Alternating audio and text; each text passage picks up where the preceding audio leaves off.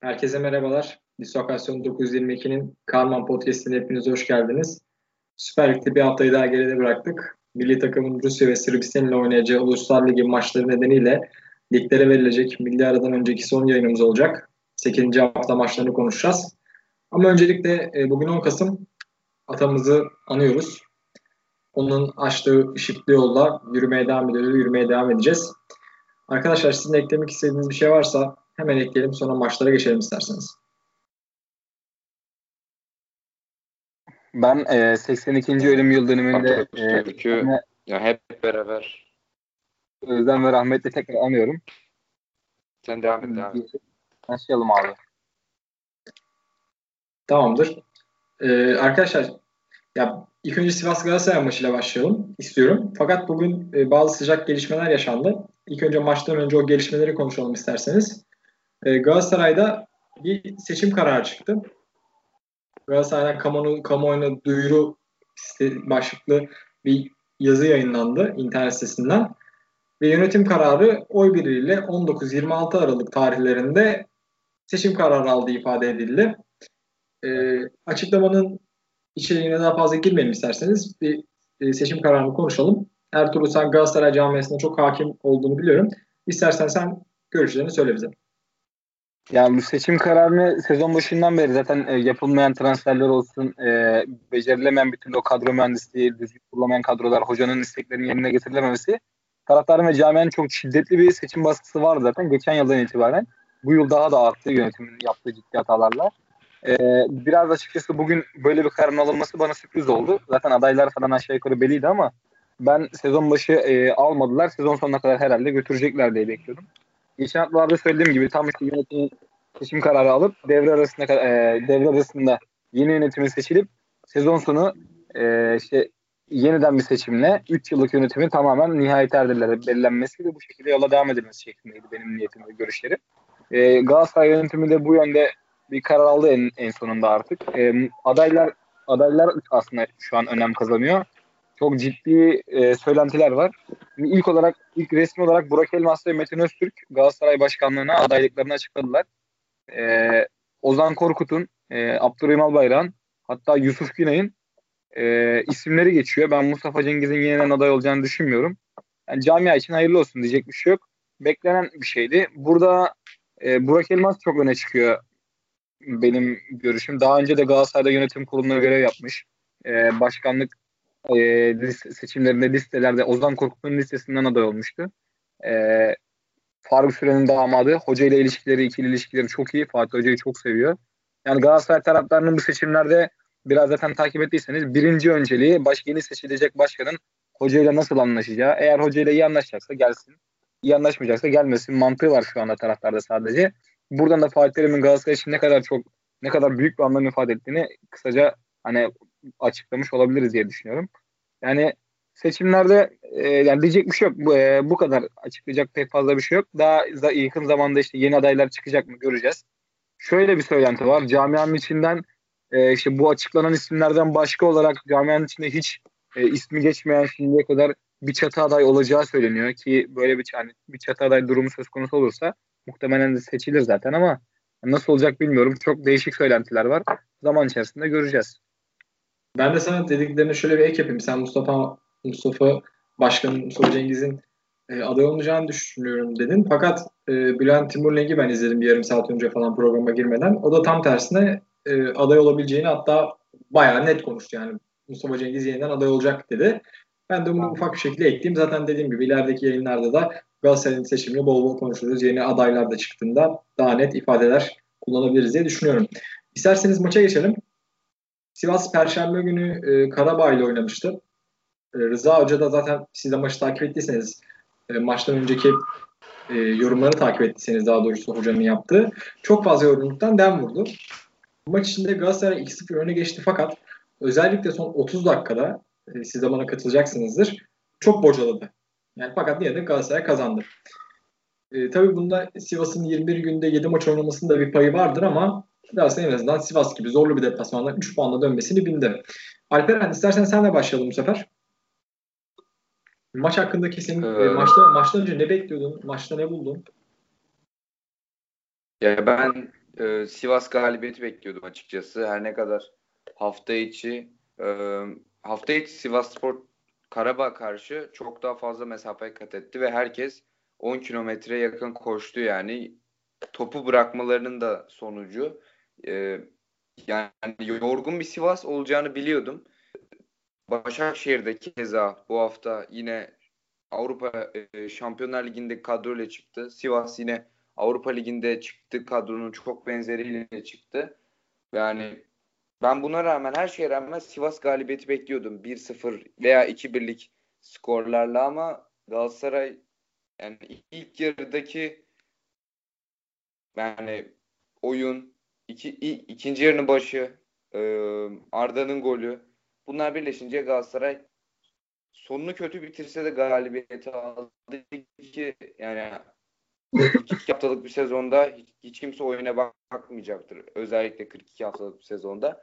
3 puan deplasmanda zor deplasman, soğuk deplasman ve 3 puana döndü Galatasaray. Ee, rotasyon konusuna gelince yani ben Sivas ve Başakşehir'in hafta içi her ne kadar bizi çok mutlu etseler de hafta sonraki hafta sonundaki performansları, oyun içi düşüşlerinin hocalardan kaynaklandığını düşünüyorum.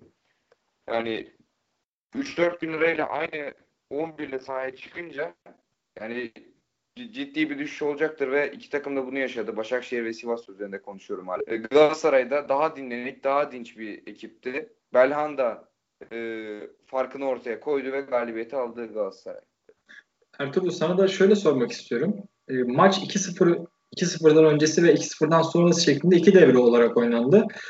E, ya 2-0'da Galatasaray'ın özellikle ilk 60 dakikada bu kadar çok üstünlük sağlamasını ben şeye bağlıyorum. Galatasaray'ın aslında ligin ilk başlarında çıktığı bir üçlü rotasyon vardı. O rotasyona dönmesine Taylan Emre Belhanda orta saha üçlüsüne geri dönmesiyle ve kanatlarda da Feguli ve Arda olarak kat sahaya çıkması bana göre Galatasaray çok ileri hatta en azından kreatif ve yaratıcı bir takım olarak sahadaydı. Peki Galatasaray'ın 60'tan sonra özellikle Alperen de ekledi. Bu kadar yorgun olan 3 gün önce maç oynamış olan bir Sivas'a karşı 60'tan sonra bu kadar düşmesi sence neye bağlıydı? Ya biraz e, oyunculara bağlı bu. E, Galatasaray'ın net bir forveti yok. E, Babel'in ne kadar orada koymaya çalışsak da denesek de yani ben daha önce Babel'in forvette hani Falcao'nun yokluğunda kesinlikle Cagney'in önünde görüyordum ama yani Babel net bir santrafor oyuncusu değil. E, topu orada indirip e, rahatlıkla saklayıp işte takım önünde tutabilen bir futbolcu değil. E, bir de Emre Kılınç'la e, Markao'nun da aslında Emre Kılınç, e, Emre Kılınç diyorum özür dilerim. Emre Taşdemir maça çok iyi başladı ve hücum yönü de çok kuvvetli bir futbolcu. Sezondaki üçüncü maçını mı dördüncü maçını mı ne oynuyor sanırım yanlış hatırlamıyorsam.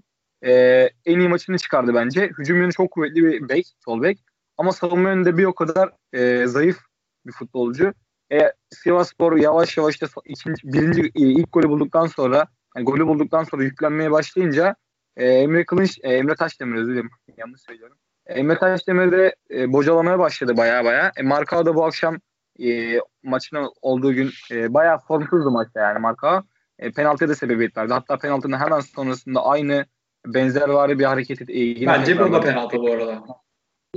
Evet. Yani Bence de. o da hani hiç incelemedi hakem o pozisyonuna. Yani orada da ucuz kurtuldu diyebilirim. E, Sivas penaltıyı e, atsa e, 45. dakikada devre bitmeden penaltı atsa devreye 1-1 girilecek. Bambaşka bir senaryo olacaktı. Yani ben Galatasaray'ın savunma zafiyetini biraz burada e, ele almak istiyorum. Burada bence etken budur. Bir de Feguli'nin falan kaçırdığı kontrataklarda pozisyonlar çok fazla var. Yani e, tam Belhanda'dan çok memnunum. Belhanda Arda sezon başı beklen e, konuştuğum şekilde e, değil tam aksine bir performans sergiler. Hani Belhanda'dan yine sezon içinde yine çok konuşuyoruz da Arda Turan bugüne kadar sergilediği performans hani bütün taraftar, bütün Galatasaray taraftarı yani ona imrenerek e, bakıyordu diye düşünüyorum. Çünkü hiç kimse bu tarz bir performans beklemiyordu Arda'dan. Takıma çok yardımcı oldu. Golünü de attı. Ee, Feguli diyecek bir şey yok. Emre Kılıncı geçtiğimiz haftalarda konuşmuştuk.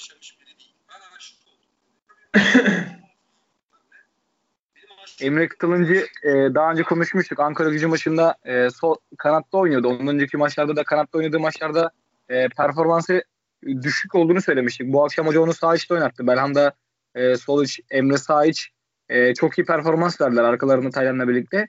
Yani Emre Kılıncı'nın biraz performansı e, Sivas maçında hani yükseldi. Bu da oynadığı mevkiyle alakalı diye düşünüyorum. Etabo'nun kesilmesi takıma e, ciddi bir opsiyon sağladı. Yani burada bir kuvvet sağladı Belhanda'nın girişiyle birlikte. Takımın hücum gücü ve yeteneği yükseldi. Yani Galatasaray'a ilgili aşağı yukarı söyleyeceklerim bu kadar yani. Takım takım ilk bir saat geçtiğimiz haftaki Ankara gücü maçına göz al, e, öne alınca, ele alınca ilk bir saat takım çok iyi oynadı. İlk 60 dakika çok iyi bir takım vardı sahada. Ben çok beğendim. Her şeyle yaptığı her şey doğru olan. Bir Markao'nun e, teklemesi birkaç pozisyonda. Yani bu, bu aralar biraz formuna düşüklük var. E, onu da Luyendama kısmen toparladı. E, Belhanda'nın performansının çok iyi olması, Emre Kılınç'ın Arda'nın performansının çok iyi olması, Emre Taşdemir'in hücuma çıkışlarının çok iyi olması. E, yani ilk 60 dakika Galatasaray çok fazla öne çıkardı. İki golden fazlasını da atabilirdik. E, atamadı Galatasaray. E, Sivas'ta e, bir tane ortadan golü bulunca ikinciyi de atıp puan almak istedi buradan. Yani onlar da 3 gün önce maç yaptılar ama hani Galatasaray karşıda galibiyet ya da puan ya da puanlar almak istiyorlar mutlaka. Yani e, Galatasaray'da o e, şeyi verdi biraz. O güveni de verdi biraz Sivas'a. Biraz geriye yaslandı.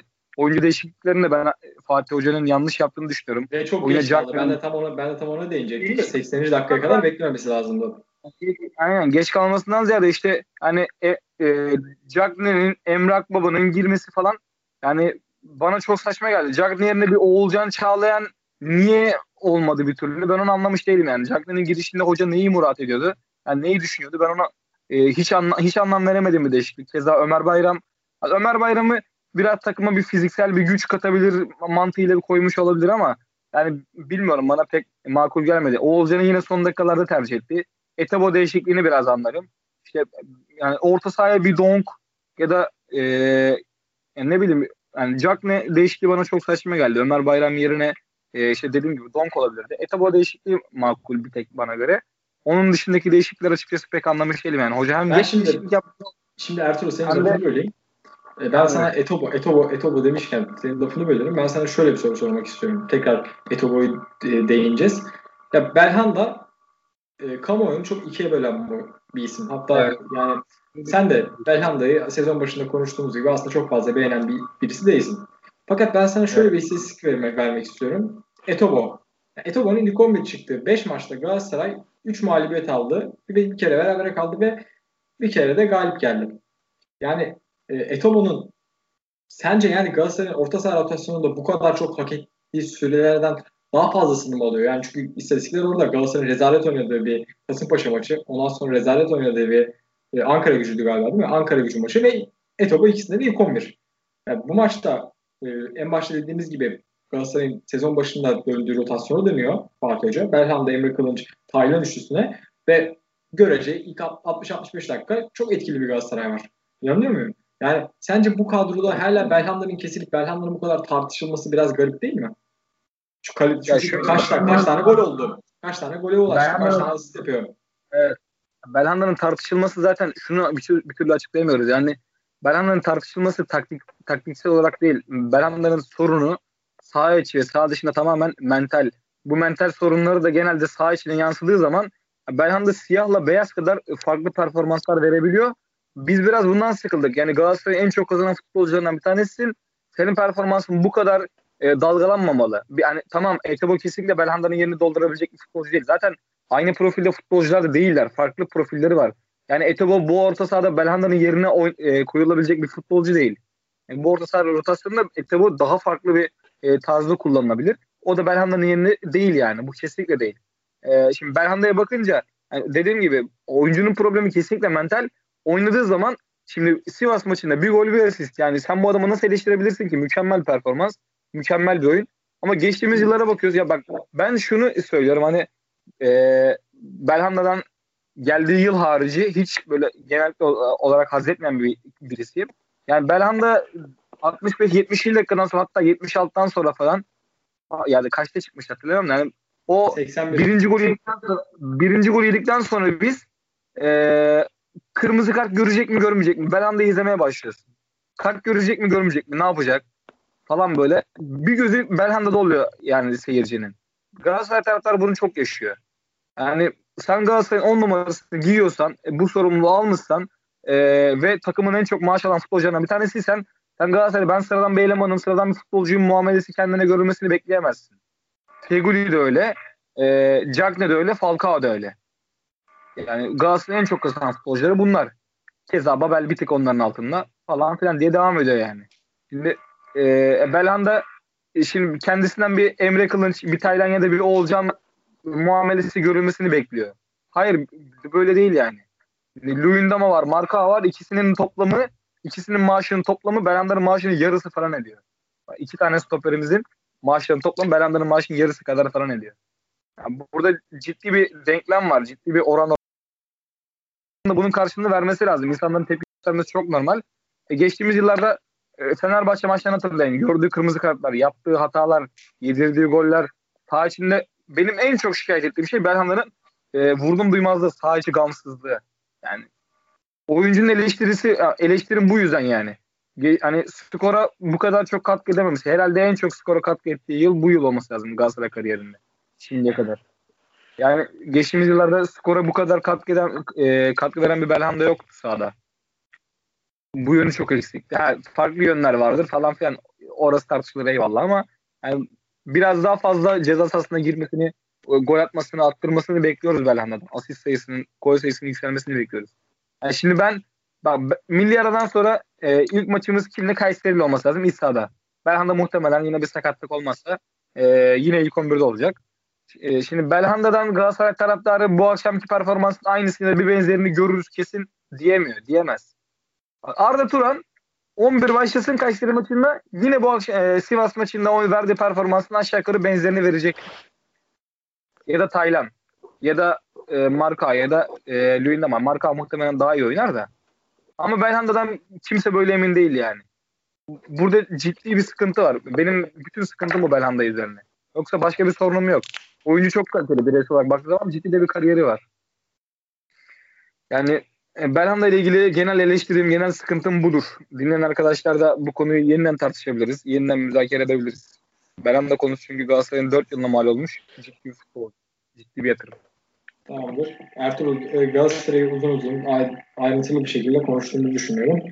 E, ben son olarak Alperen'e sorayım yine de. Alperen senin eklemek istediğin bir şey var mı? Ya Ertuğrul çok iyi özetledi. Özellikle yani dalgalanma konusunun maaş dengesiyle dalgalanma konusunu bayağı iyi mukayese etti. Yani en çok maaş alan 4 oyuncunun 3'ünün ne yapacağı belli olmuyor ki bu Galatasaray'a zarar veriyor. Yani maaştan falan konuşmak ne kadar mantıklı, ne kadar şey bilemeyiz ama e, yani gösteriyor. Fegoli, Belhanda, Falcao gibi adamların Galatasaray'a her hafta düzenli katkı vermesi gerekiyor ki maaşlarıyla orantılı şekilde Galatasaray başarıya yakalasın ama bir türlü e, işler rayına oturamadı. Ertuğrul da bunu özetledi. Benim de ekleyecek bir şeyim yok yani Galatasaray konusunda. Tamamdır beyler. O zaman Fenerbahçe Konyaspor maçına geçelim. Ya aslında geçen hafta Antalya Spor maçında herkes biz dahil Fenerbahçe'nin 4-5 tane net gol fırsatı kaçırdığından bahsetmiştik. Yani hatta Fenerbahçe'nin 4-5 yani çok net gol fırsatı vardı. Hatta 4-1, 4-1, 5-1 şeklinde kazanabileceğini söylemiştik. Ama yine de yan top organizasyonlarını daha iyi savunabilen bir takım geldiğinde de Fenerbahçe'nin ne yapacağının nasıl bir çözüm üreteceğini de merak etmiştik. Ama ben yine de açıkça söylemem gerekirse bu kadar çabuk bir şekilde Fenerbahçe'nin yan top organizasyonlarının çözüleceğini beklemiyordum. Yani Fenerbahçe'nin ard arda ikinci kez 40'tan fazla orta yaptığı maçta bu sefer sahadan yenilgiyle ayrıldı. Alperen bu sefer senle başlayalım. Sence bu yenilginin sorumlusu sadece işte takımın en çok top kaybı yapan ikilisi Caner Valencia gibi oyuncular mı yoksa Erol Bulut'un oyun formasyonu mu? Ya Erol bugün de bir yazı gördüm. Erol Bulut yan top, duran top haricinde bir e, skora katkı oyun planı olarak eksik olduğunu galiba e, maçtan önce maçtan sonra söyledi. Evet tesisler içinde de kabul etmiş ve milli aradan sonra Fenerbahçe'nin çok daha e, içeriden ortadan pas organizasyonlarıyla araya atılan toplarla pozisyon bulması üzerine çalışacağı diye bir yazı gördüm. Ee, şampiyonlar oynayan bir takımın bence ya futbolda günümüz futbolunda skor almak nasıl atıyorsan e, yani kenar ortasıyla olur bu. E, farklı şekillerde olur. Duran toptan olur. Golün işte e, eksiği noksanı olmaz abi. Tüm goller eşittir ve Fenerbahçe gol atarak maç kazanıyordu ama e, böyle rakipler olduğunda da Fenerbahçe'nin içi açacak ortadan bir ara pasla bir adam kaçırmayla pozisyona girecek bir oyun sistemi eksik. Ee, ve Fenerbahçe'nin bu yönü de geliştirmesi lazım. Ana oyun planının bu olması gerektiğini düşünmüyorum. Ana oyun planı skoru nasıl alacağı şeklinde Erol Bulut'a kalmış. Ama e, modern futbol olarak diyeyim. Modern futbolda Fenerbahçe'nin hafif eksikliği var. Onun dışında e, daha kapanan Konyaspor Beşiktaş'ta darma etti. Kapanıp kontra atakta Beşiktaş'ın hatalarını ko- kollayarak. Bir benzeri oldu yine. Ee, kenar ortasında Yevtovic'in harika golü. Onu es geçmeyelim. Yevtovic harika vurdu topa. Ee, ilk golde. Onun dışında e, Caner'in işte kapanan bir takıma karşı Caner'in ortalarının ve top kaybı sayısının e, Fenerbahçe'ye olumsuz döndüğünü de gördük. Yani birkaç hafta önce Caner Saha'nın en iyisiyken bu hafta en kötüsü oldu. Yani bu değişebilir. Ama Fenerbahçe'nin net şekilde ortadan e, pozisyona girmekte takımın zenginleşmesi lazım. Yani her hafta Cener'in, her hafta Gökhan'ın, her hafta Cener Gökhan'ın birbirlerini açıp pozisyon ürettiği pozisyonlara e, hücum setlerine bakamaz Fenerbahçe. Ertuğrul şu an senin ellerinin kaşındığının farkındayım. O yüzden sana direkt hemen soruyu hemen soru şöyle yöneltmek yöneltmek istiyorum. Hatta senin birazdan söyleyeceğin argümanlara destek olarak Caner Erkin Fenerbahçe takım olarak daha doğrusu ilk önce 43 ortada 4 isabet bulmuş. Caner Erkin'in maçta 27 ortası var ve sadece 2 tane isabeti, isabeti var. Evet. Ve e, 41 top kaybı ile Süper Lig'de bu hafta en çok top kaybı yapan oyuncular istatistiğinde en yukarıda açık ara.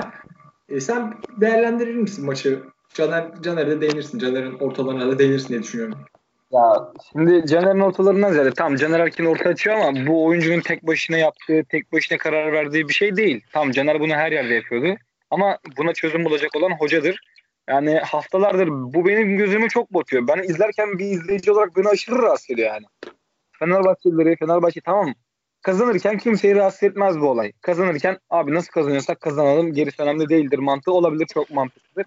Eyvallah kabulümdür yani. Yani gol nasıl olursa olur. E, gol goldür yani. Şöylesi böylesi tartışılmaz eyvallah. Ama yani e, şimdi bakıyorsun hocanın bir kere Pelkas değişikliği vardı. Çok yanlış olduğunu düşündüm.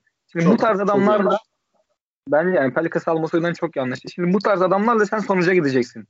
Bu adamların e, ayaklarına güveniyorsan sen yani yani güvenmiyorsun ki Caner'i takımı mahkum ediyorsun diye düşünüyorum ben. 47 orta nedir yani bir maçta? 40 küsur orta açmış Fenerbahçe. Yani Galatasaray bu hafta 7 tane orta açmış. 7 orta. 7 ortayla maçı tamamlamış. E, Fenerbahçe bakıyorsun 47 tane. Yani bu inanılmaz bir fark var arada. E, Fenerbahçe'nin daha ne oynadığını bilen, daha oturaklı, daha ayağa pas yapan, daha net, daha direkt kaleye giden bir takım olması lazım. Ki Samat'ta da daha buna biraz daha uygun profilde bir futbolcu. Şimdi e, Samat'ta 40 küsur orta gelince bu adamın boyu çok uzun değil zaten. Yani her topa çıkıp vurabilecek bir adam da değil. Etkisizleşiyor ister istemez. E, haftalardır ben bunu daha önce de söylemiştim. E, Samat Bey hoca muhtemelen kaz, e, takım iyi giderken kazanmak istiyor. E, kazanamadı. Bu hafta oyunu satmak zorunda kaldı.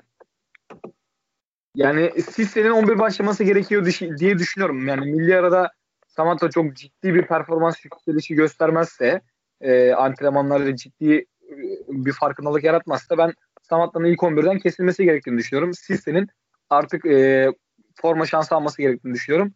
Eğer Caner'in bu şekilde ortaları, kenar ortaları devam edecekse Sisse, Ademi ikisi birlikte oynasın. Daha mantıklı. Yani Konyaspor bu sezon ligde iki galibiyet var. Beşiktaş'a ve Fenerbahçe'ye karşı sanırım yani. Sadece Beşiktaş'a ve Fenerbahçe'yi yenmiş. Böyle bu takım tamam Fenerbahçe e, herkesi yenecek, namalip şampiyon olacak diye bir şey yok. Mağlup da olabilir. Ama bu şekilde mağlup olması insanları biraz e, sorgulamaya itiyor. Yani biz her şeyi yaptık, e, öyle mağlup olduk, olmadı diyecek bir durum yok. Hocanın tercihleri e, hatalıydı bence. Yani özellikle Pelkas değişikliği vesaire. Yani burada tercih hataları vardı. Olabilir zaman zaman inişler çıkışlar olabilir. Ama hocanın bir an önce bu oyundan e, bu Caner Erkin'in bu kafasına göre 50 metreden 40 metreden orta açma huyundan bir vazgeçirmesi lazım. E, çünkü bunların dönüşleri çok tehlikeli oluyor. 5 tane futbolcu, 6 tane futbolcu, Ozan Tufan'da, Gustavo şuydu bu ceza sahasına bir giriyor. E, orada top kaleye gitmeyince bir anda senin kalende puan şey e, pozisyon olarak geri dönüyor yani. Bunu biraz daha öngörmesi lazım diye düşünüyorum hocanın. Erol Hoca'nın bunun üzerine daha çok çalışılması lazım diye düşünüyorum.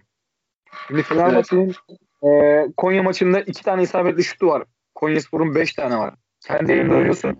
Toplamda 13 tane şut çekmiş. Konya Spor'dan daha fazla şut çekmiş Fenerbahçe ama isabet oranı çok düşük. Yani, e, bunlar ciddi sıkıntılar. Bunların hepsini değerlendirecektir diye düşünüyorum Erol Hoca. Milyardan sonra kimle oynuyor Fenerbahçe? İlk maçı Beşiktaş'ta mı? Bir saniye. Ben bakayım. Fenerbahçe kim Yok oynuyor? Beşiktaş'ta oynamıyor. Gençler Birliği'yle.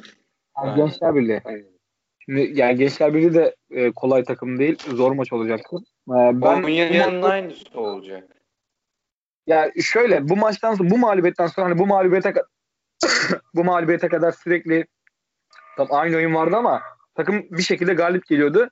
Ben artık bu mağlubiyetle birlikte bir şeylerin değişeceğini düşünüyorum Fenerbahçe'de. Birliği bunu görmemiz için e, en net sınav olacaktır. En net e, gösterge olacaktır. E, çünkü e, Ankara'da oynanıyor maç yanlış hatırlamıyorsam. Ankara'da oynanacak. Evet. evet. Bu maçı içeride oynamıştı.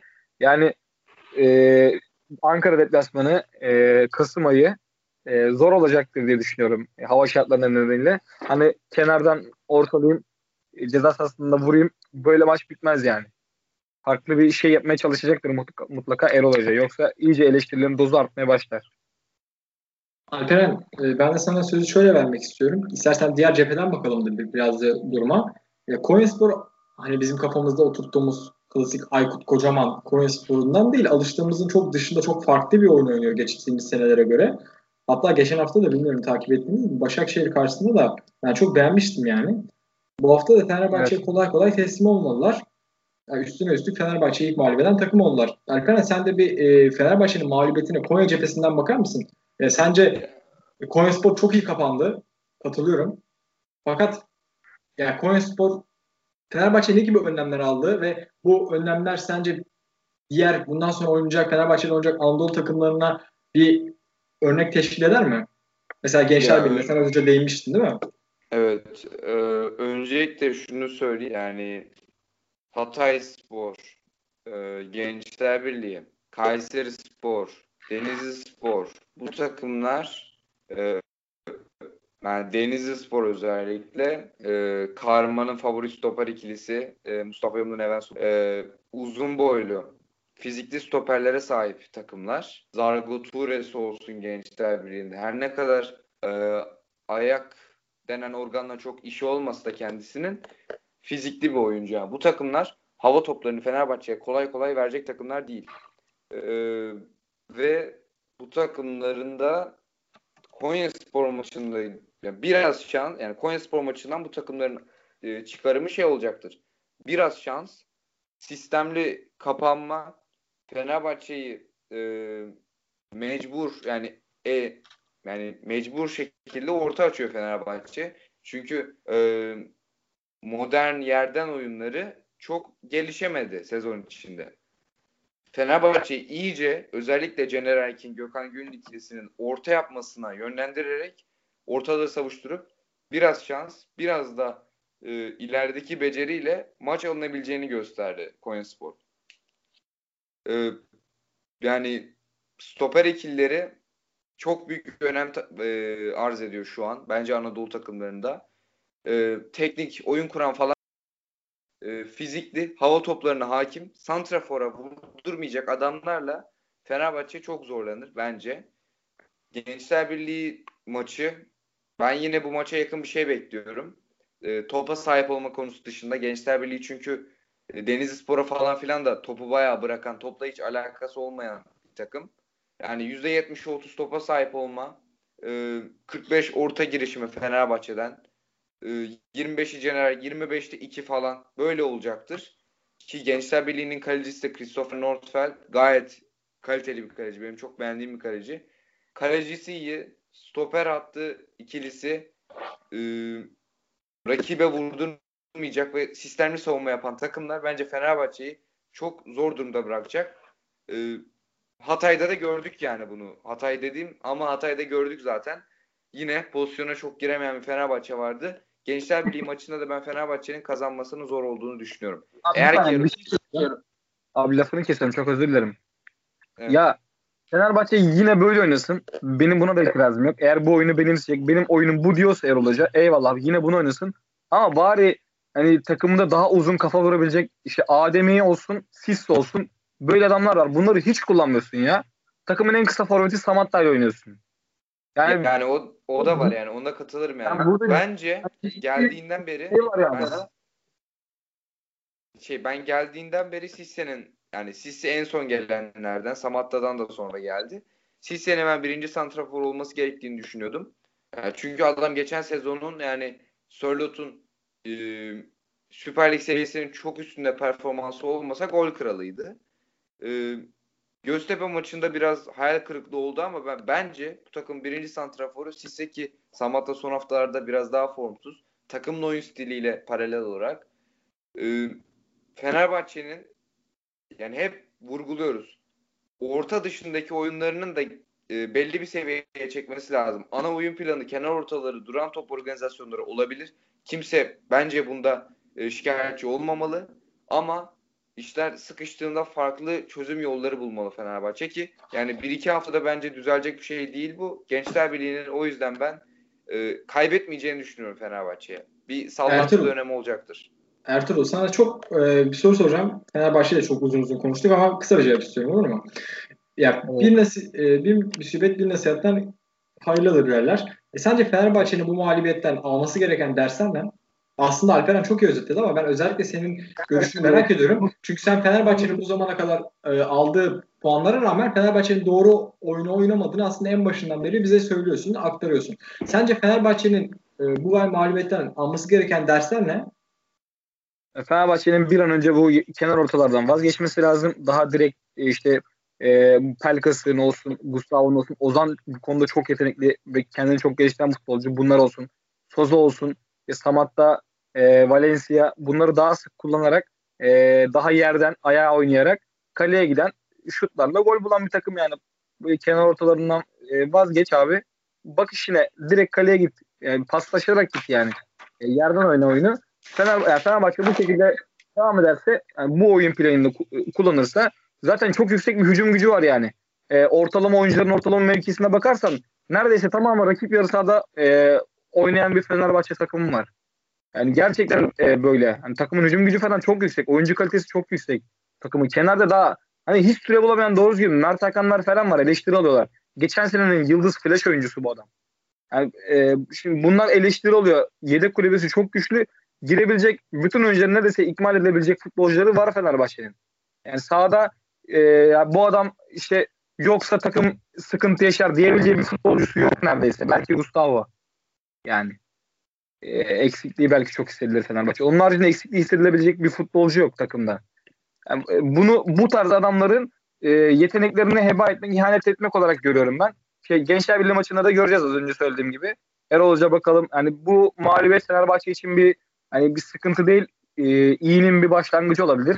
Değişen bir oyun sistemiyle sezona daha fazla, daha dinamik, gümbür gümbür devam edebilir. Tamamdır beyler. İsterseniz Be- Gaziantep Beşiktaş maçına geçelim yavaştan. Alperen'in de Beşiktaş'la alakalı uzun uzun konuşacağını ve aktaracağı çok fazla şey olduğunu düşünüyorum. Ya Beşiktaş aslında tıpatıp geçen sene olduğu gibi Antep deplasmanında eksik kaldı ve yine mağlup oldu. E, sen nasıl değerlendiriyorsun Alperen maçı? Abi böyle bir savunma yok yani. Olmamalı daha doğrusu. Yani takımın şu an e, hiçbir stoperi ilk 11 hak etmiyor. Ben %100 bunu söyleyebilirim. Hiçbiri. Yani Erdoğan, Vida, e, Montero, Wellington. Hepsi bence eşit şartlarda şu an. Olmalı en azından. Erdoğan tabii 2-3 tık hatta daha geride gözükse de ben hepsinin şu an eşit olduğunu düşünüyorum. Antrenmanda kim hata yapmaz, e, başarılı müdahaleler yaparsa bence sahaya o ikilinin atılması gerektiğini düşünüyorum. Kaliteden e, falan filan yani bir sürü şey var. E, Onlardan bağımsız. Şu an tüm stoperler eşit. Şu an 3 kalecimiz de eşit seviyede. Emre Bilgin de bu araya koyuyorum. 16 yaşındaki Emre Bilgin bence şu an 3 kalecimiz de eşit seviyede. Bunu söylemek gerçekten beni çok üzüyor. Çünkü ben Ersin'in en büyük destekçilerindenim. Keza Utku'nun. Ee, yani Utku Ersin ikilisi benim gerçekten çok savunduğum uzun yıllardır. Özellikle Utku e, bir ikili. Ama şu an Beşiktaş'ın arka beşlisi Rozier hariç arka beşlisi kale ve savunma hattı çok ciddi problem. Orta sahada e, Joseph hariç haftadan haftaya da Atip hariç yani süreklilik yok. Laiç hala olmayacak gibi yani. E, ileriki üçlü bir şeyler yapmaya çalışıyor. Kyle'lerin. Kyle'lerin geldiği gün e, 2019 Ocak olması lazım. O günden beri şunu iddia edebilirim. Doğruyum yanlışım o e, sorulacak yani bir sorudur. Kesin değildir. En büyüklerin destekçilerinden biriydim. Ve şu an değerini kanıtladı. Yazdan beri de Larin'in bu takımın birinci santrafor olacak kalibrede olduğunu söylüyordum ki gol yükünü çeken oyuncu Larin. Larin, Abu Bakar ve Gezal. İleri, ileri üçlü ve sağ bek dışında Beşiktaş'ta kimsenin yeri garanti değil. Zaman zaman da Joseph. E, kırmızısı falan filan olmadığı sürede de Joseph. Takımda çok ciddi bir şok etkisiyle takımın uyandırılması gerek. Sergen Yalçın yani lise futbol takımları olur mesela. İşte hocalar aralarında konuşur. İşte bizim çocuk iyiydi. Bizim çocuk kötü ya. Yani bu muhabbetleri ben profesyonel Süper Lig seviyesinde bir hocanın yapmasında yanlış olduğunu düşünüyorum. Yani Wellington kötü dediniz. Çıktı ne oldu? Yani bu orada medya, medya mensuplarıyla senin e, didişmemen gerekiyor. İsim vermemen gerekiyor. Bir sürü spor e, kamuoyundan bir sürü kişi bunun, buna parmak bastı. İsim vermemiz gerekiyor diye kurmaylarıyla konuşması haricinde çıkıp yani e, Ersin bireysel hata yaptı. İşte Montero bireysel hata yaptı. E, isim vermemesi gereken şeylerde Sergen Yalçın çok ciddi takım içinde de bazı dengelerle oynadı. E, takımı böyle bir özetledikten sonra maça gelelim. Yani çok çok kötü bir oyun. Larry'nin direkten topu, direkten dönen topu ve Rozier'in çok iyi ortasında Larry'nin golü hariç Beşiktaş'ın net pozisyonu yok. Giremiyoruz yani. Pozisyona giremiyoruz. Ciddi bir sıkıntı. Yani Fenerbahçe'ye her ne kadar yani sadece kenar ortası desek de Beşiktaş'ta yani bir nebze Fenerbahçe'ye benziyor. Yani son 3 veya yani son 3 golümüzün ikisinde hatta üçünde kenar ortalarıyla geldi. İkisinde Rozier, diğerinde e, sol kan- kanattan. Beşiktaş'ın üretmede, savunmada ve e, kulübede çok çok ciddi problemleri var. Acilen Lay için kazanılması gerekiyor. Onun dışında yani şu an mesela milyardan sonra Erdoğan'ın oynaması bence uçuk bir şey olmamalı. Erdoğan bir sonraki hafta e, döndüğümüz hafta sahaya atılmalı, denenmeli abi. Yani bu performanslar çok daha kötü olmayacak. Ya biraz hafif de böyle kin kustum gibi oldu ama Beşiktaş gerçekten büyük sıkıntı. Seneye Avrupa kupaları zor gözüküyor diyebilirim ben Beşiktaş adına. Ertuğrul e, sana da şöyle sormak istiyorum. Ya Denizli ve Malatya maçından sonra hücum anlamında bu kadar etkisiz bir Beşiktaş'ın sebebi neydi? Yani bana ilk önce ben kendi fikrimi söyleyeyim.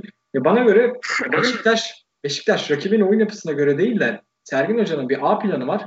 Ama hiç yani B planı değil A1 planı bile yok. Hep tüm takımlara karşı aynı standart oyunla çıkıyor. Ve e, onu biraz olsun iyi analiz eden teknik direktör karşısında da böyle birazcık kalıyor. Sence bunun sebebi ne? Ee, özellikle Beşiktaş'ın hücum anlamında bu kadar etkisiz kalmasının?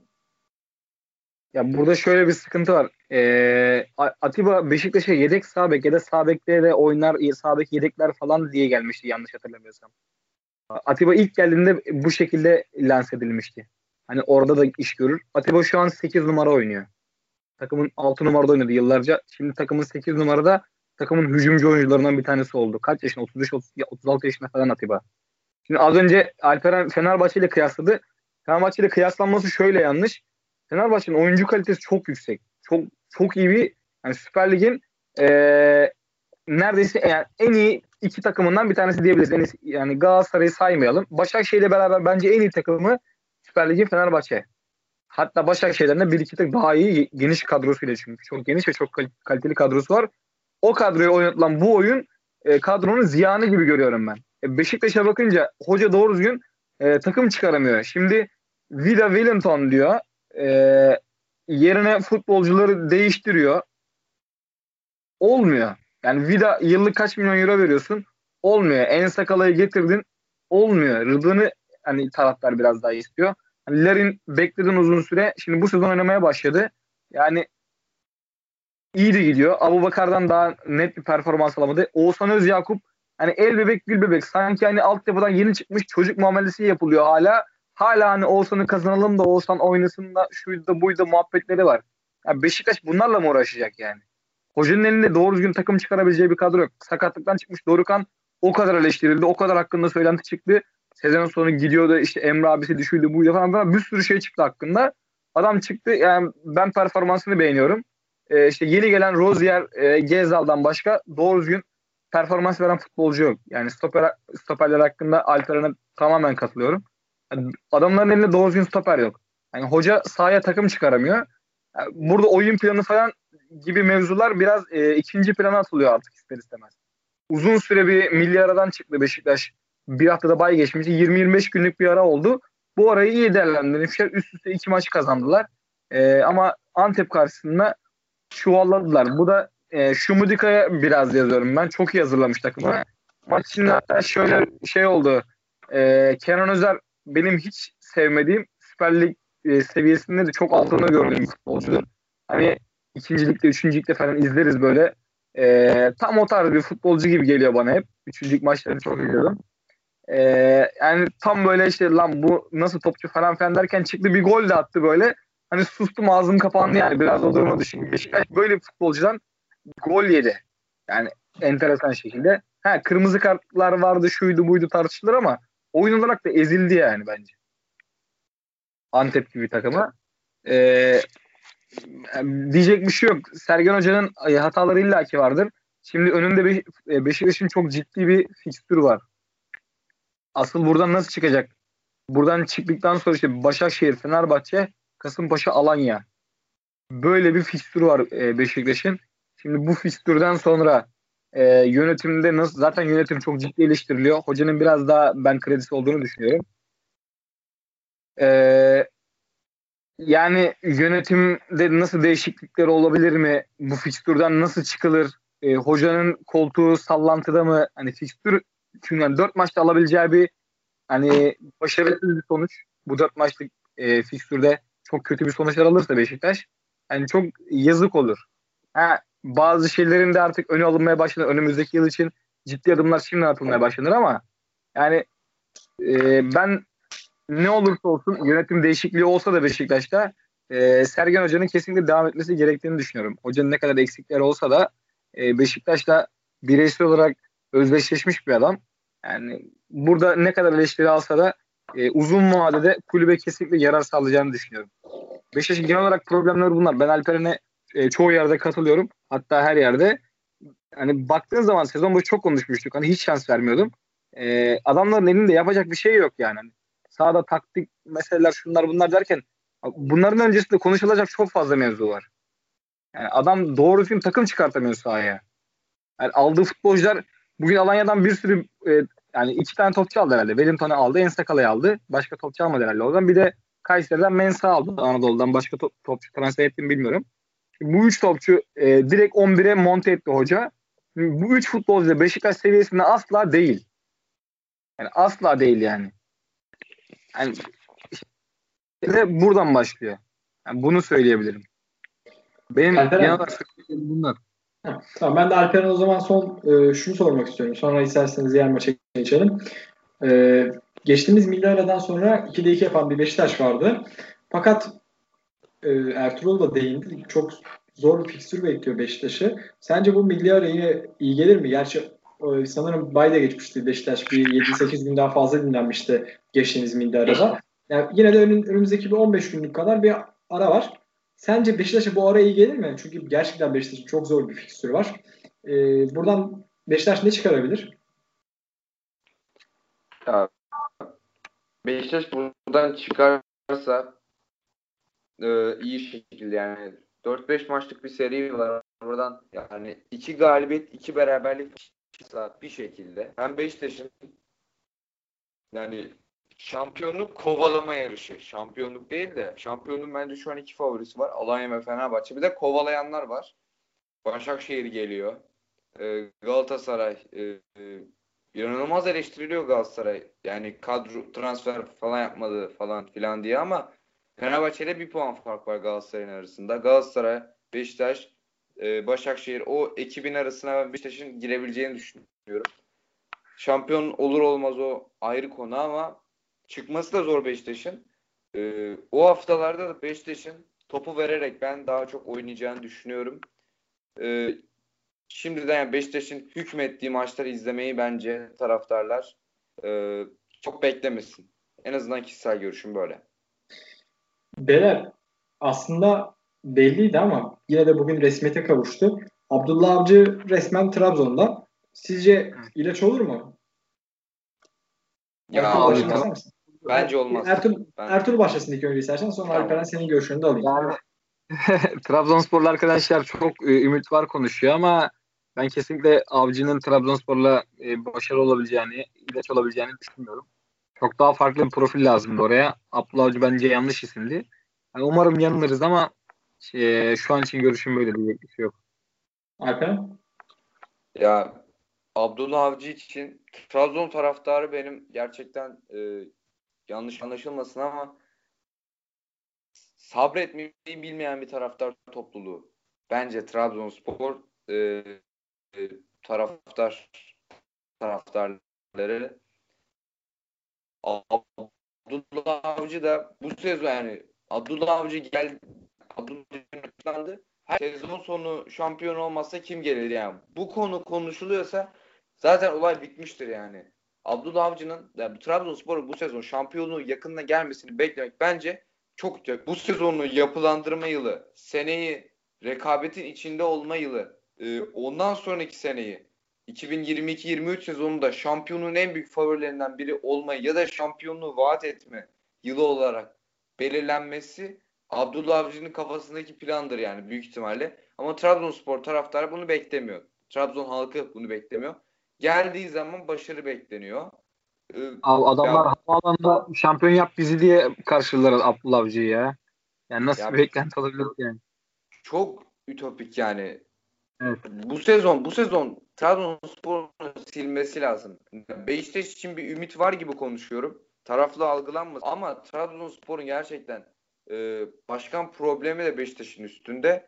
E, Tronsent'i kaybetmeleri tüm takımı etkiledi. Çünkü yani kağıt üstünde direkt yazdığın oyuncu gidince oraya hep birini atmaya çalıştı Trabzon. Olmadı. Hatta bu hafta da hatta bu hafta da İhsan Hoca Pere, Pereira'yı attı oraya yani orta saha sıkıntısından dolayı. Ya Kamil Ahmet Eskişehir kariyerinde sağ bek dışında herhangi bir pozisyonda adam akıllı süre almadı. Trabzonspor'da savunmanın her yeri orta saha ve 8 numarada oynadı. 8 numara. 6 ve 8 numarada oynadı zorunluluktan. Ciddi bir orta saha problemi var. Ee, taraftar sabırsız. Abdullah Avcı'nın minimum bir buçuk sezona ihtiyacı var. Geldi yani gelişiyle yarım sezon gitti varsayarsak. Yani bir, bir buçuk yıla ihtiyacı var Abdullah Avcı'nın. Trabzon halkının Abdullah Avcı'yı kaybetmemek için sabırlı olması gerekiyor.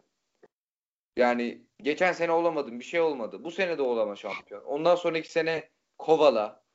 Ne bileyim ikinci üçüncü ol. Bunlar dünyanın sonu değil. Abdullah Avcı'ya düzgün bir yapı verildiğinde Abdullah Avcı takımı her sene şampiyon yapabilecek kalibrede bir hocadır bence. Var mı beyler yani, sizin Alanya Trabzonspor maçı hakkında? Alperen bitir istersen. Trabzon yani Trabzon taraftar ve e, camia e, taraftar ve camia için yanlış seçim. Direkt başarı açısından. Ya sen de kısa vadede Abdullah Avcı'nın başarılı olmayacağını düşünüyorsun anladığım kadarıyla. Evet. İsterseniz bir ufaktan Alanya cephesinde ben en azından kendi görüşlerimi aktarayım. Yani haftaya Fenerbahçe ile üst sıralarda girme şansı vardı Alanya'nın. Yine üst sıralarda ama hani liderliği de geçirme şansı vardı. Perşinleme şansı vardı. Fakat bana göre bu senenin en etkisiz maçını oynadı Alanya ve sadece 4 tane isabetli şut çekebildi ve puan kaybetti. Onlar da milli aranın iyi geleceğini düşünüyorum. Gümbür gümbür devam ederler gibi geliyor. Çünkü e, bizim de haftalarda değindiğimiz gibi çok kaliteli bir kadroya sahipler ve çok kaliteli bir hocaya sahipler. Arkadaşlar e, benim aldığım notlar bu kadar. Sizin var mı başka konuşmak istediğiniz bir şey Süper Lig'e dair? Yok ya ben şimdilik söyleyeceğim abi. Bu arada Alanya Spor e, maç eksiğiyle bir maç eksiğiyle lider abi. Anadolu Evet. takımı Türkiye Ligi'nde maç eksiğiyle lider da tarih not olarak geçsin yani. Üstüne dediğim gibi perçinleme şansları vardı. Yani fark da atabilirlerdi bu hafta. Hani maç fazlasıyla üstüne Maç maç farkı da atabilirlerdi. Aynen öyle. Ağzınıza sağlık beyler. E, Dinleyenlere de ben ayrıca teşekkür ederim. Herkese iyi akşamlar. İyi akşamlar.